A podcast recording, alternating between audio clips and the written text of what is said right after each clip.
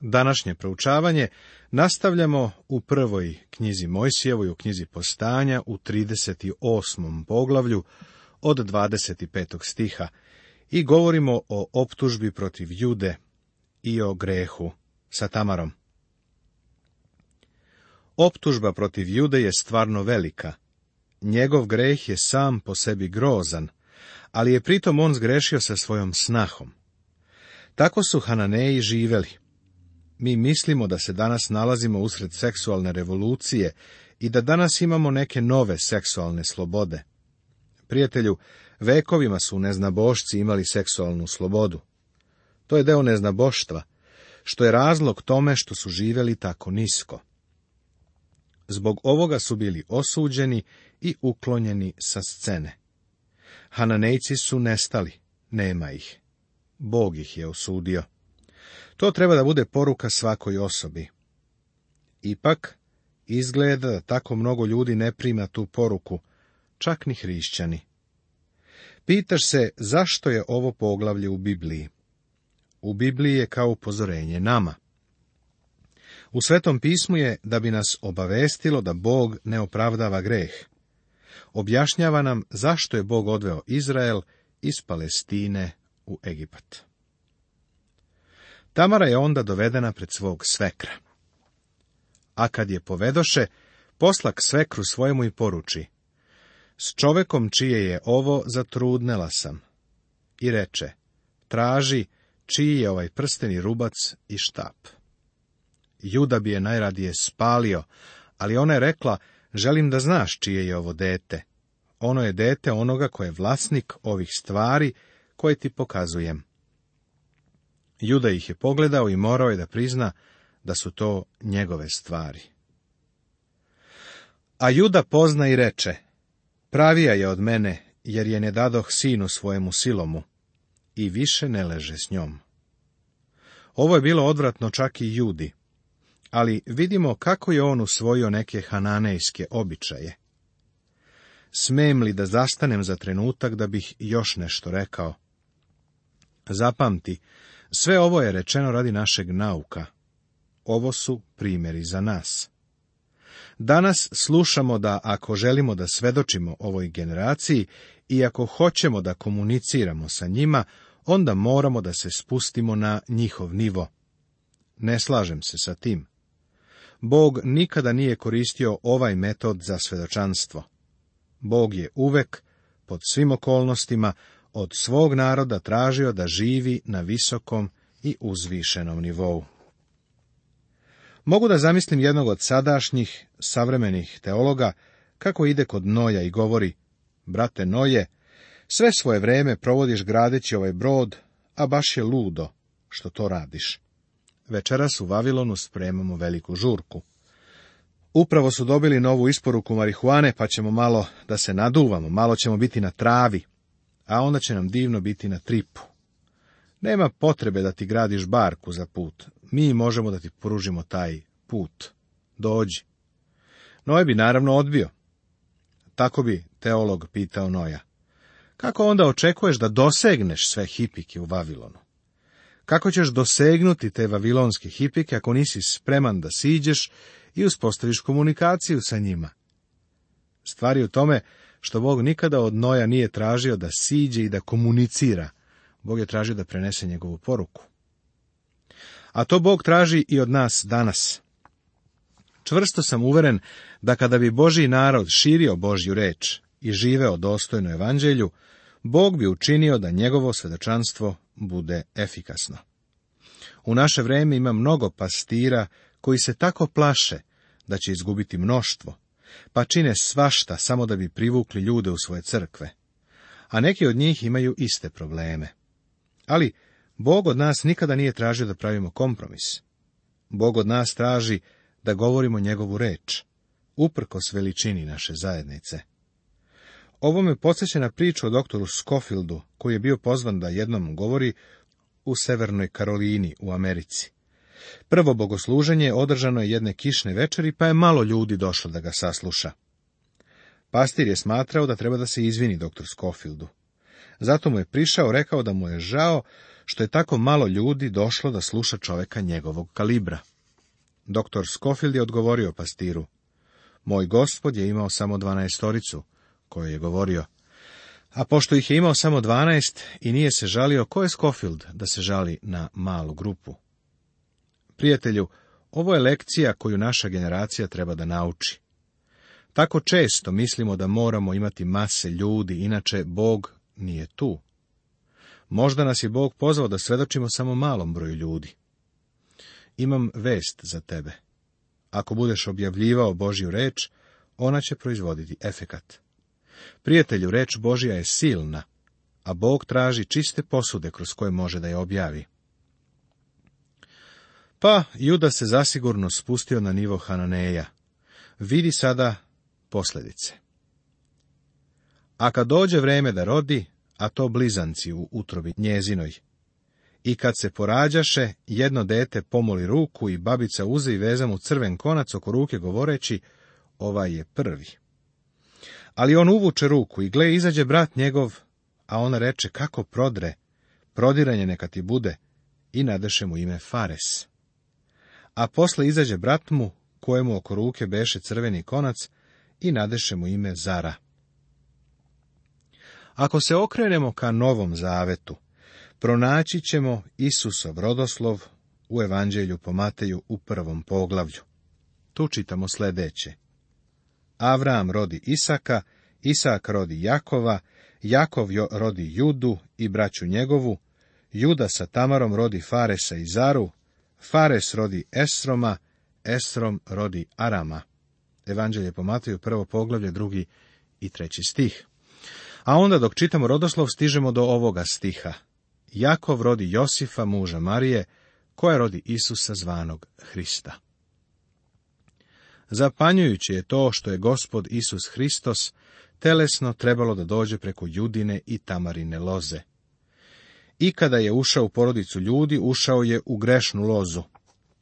Za nas je načinjen grehom on koji nije znao za greh, da bismo mi postali pravda Božija u njemu. Ovome vidi drugu poslanicu Korinčanima, peto poglavlje, svetoga pisma Novog Zaveta. Poglavlje 39. Nakon pauze koju je činilo poglavlje 38 a koje smo klasifikovali kao jedno od najgorih poglavlja u Bibliji, jer iznosi prljavu priču o čoveku po imenu Juda, vraćamo se kazivanju o Josifu. Uvidjet ćemo da je Josif potpuno drugačiji od Jude. Uvek sam smatrao da su Josif i Venijamin stekli vrlo mnogo pouka, saveta i lične pažnje, koji drugi dečaci nisu imali. Činilo se da su oni jedina dva dečaka za koje je Jakov bio zainteresovan. Zbog mržnje i neprijateljstva Josifove braće, Josif je prodat u ropstvo i odveden u Egipat. Biti u tuđoj zemlji i biti prodat u ropstvo je za jednog sedamnaestogodišnjaka vrlo turobno. Sa spoljašnje tačke gledišta nije bilo ništa što bi njegovom srcu donelo ohrabrenje izgleda da je Josif bio manje ili više zle sreće. Čak i u Egiptu, baš kad bi stvari počele glatko da se odvijaju u njegovu korist, nešto bi opet iskrslo. Naravno, uvek se sve dešavalo sa ciljem, iako je Josifu bilo teško da to uvidi.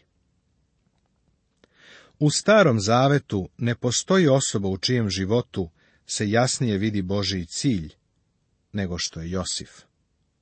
Božije proviđenje se pokazuje u svakom detalju njegovog života. Ruka gospodnja je nad njim i vođstvo Božije je vidno, ali je Josif jedini praotac kome se Bog nije direktno javio, na osnovu onoga što sveto pismo govori. Bog se javio Avramu, Isaku i Jakovu, ali ne i Josifu.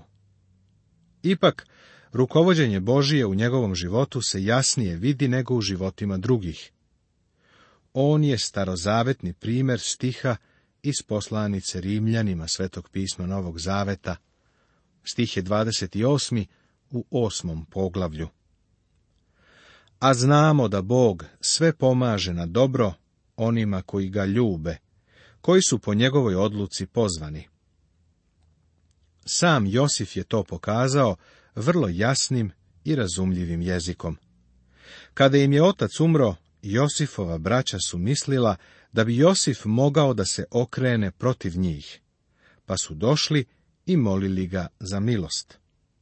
On im je rekao da uopšte nikakva loša osjećanja ne gaji prema njima i onda je kazao, vi ste mislili zlo po me, ali je Bog mislio dobro, da učini što se danas zbiva, da se sačuva u životu mnogi narod. Ovo je zapisano u prvoj knjizi Mojsijevoj, u knjizi postanja u 50. poglavlju.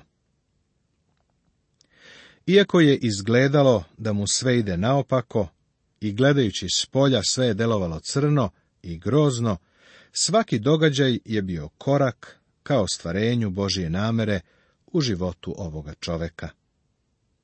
Prijatelju, u našem životu treba da računamo na činjenicu da koga gospod ljubi, onoga kara, a bije svakoga sina koga prima.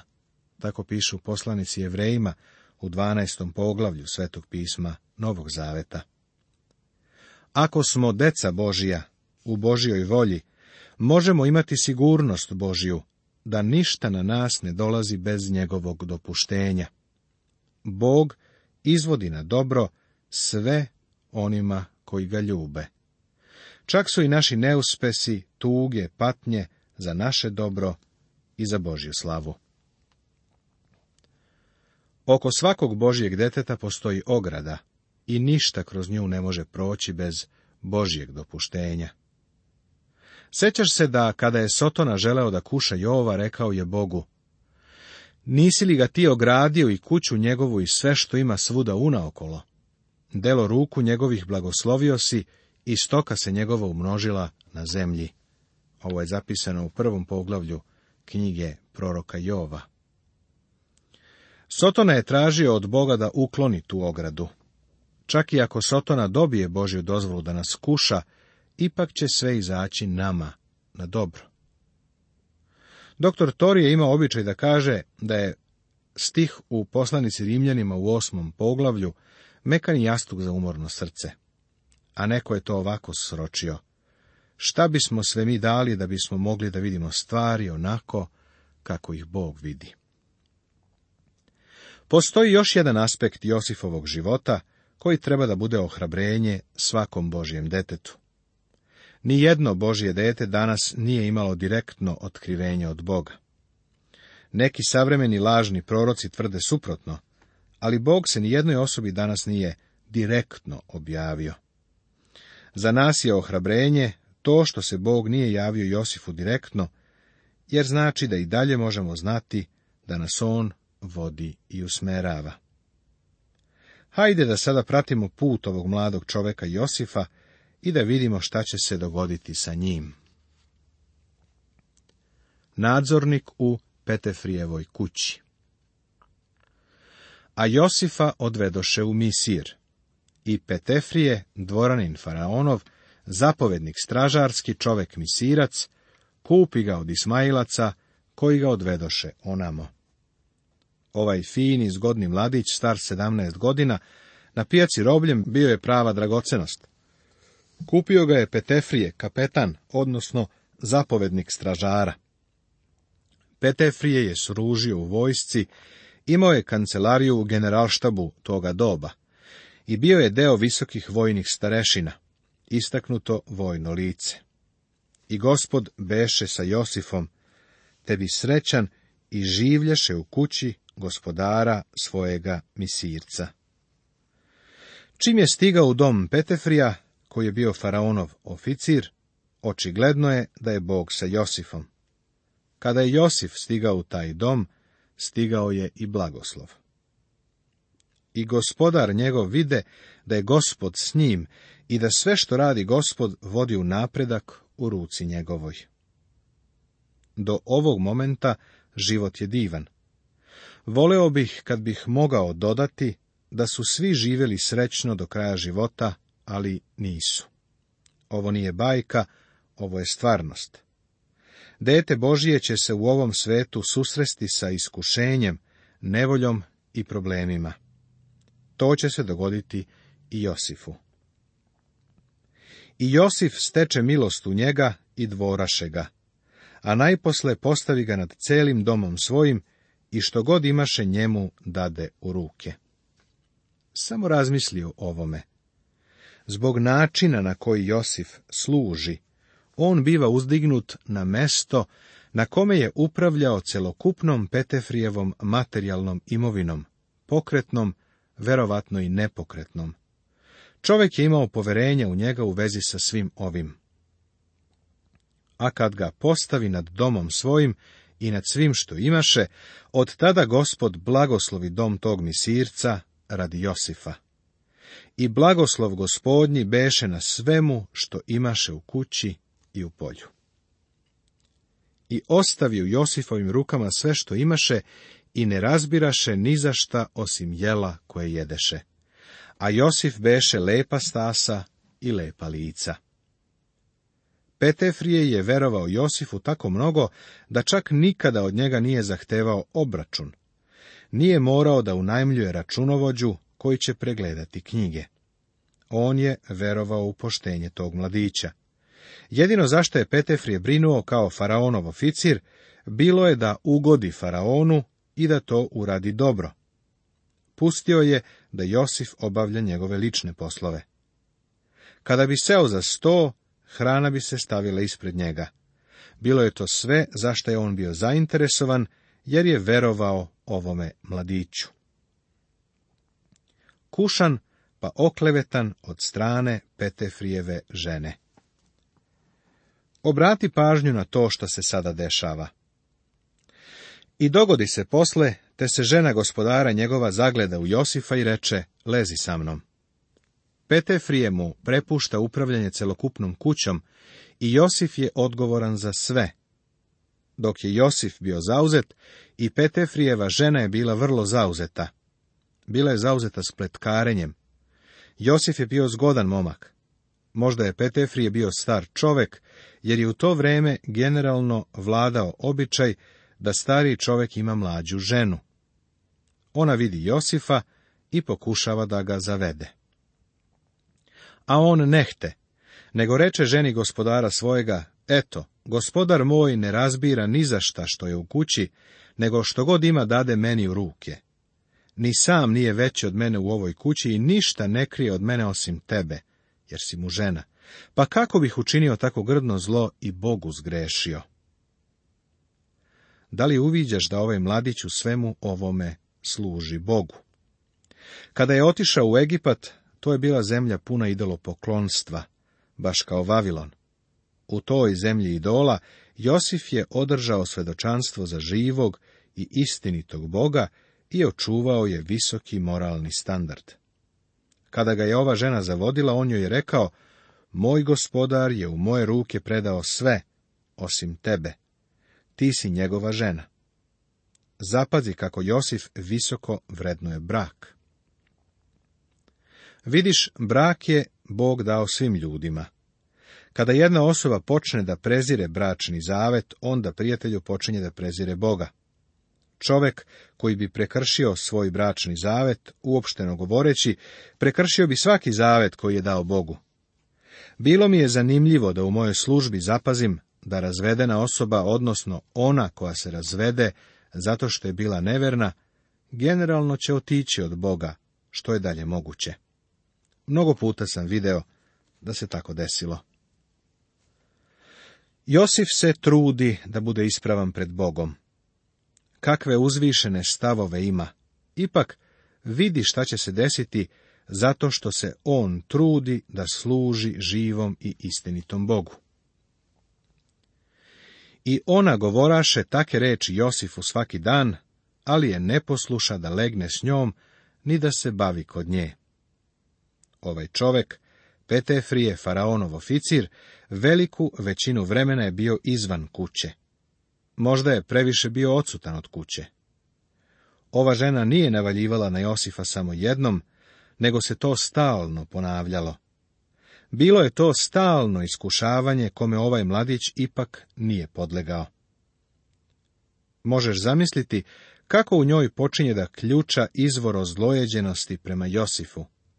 Stari Bromid kaže, ni pakao ne gori kao prezrena žena. Veruj mi, osvetit će se ona Josifu. Nastavit će se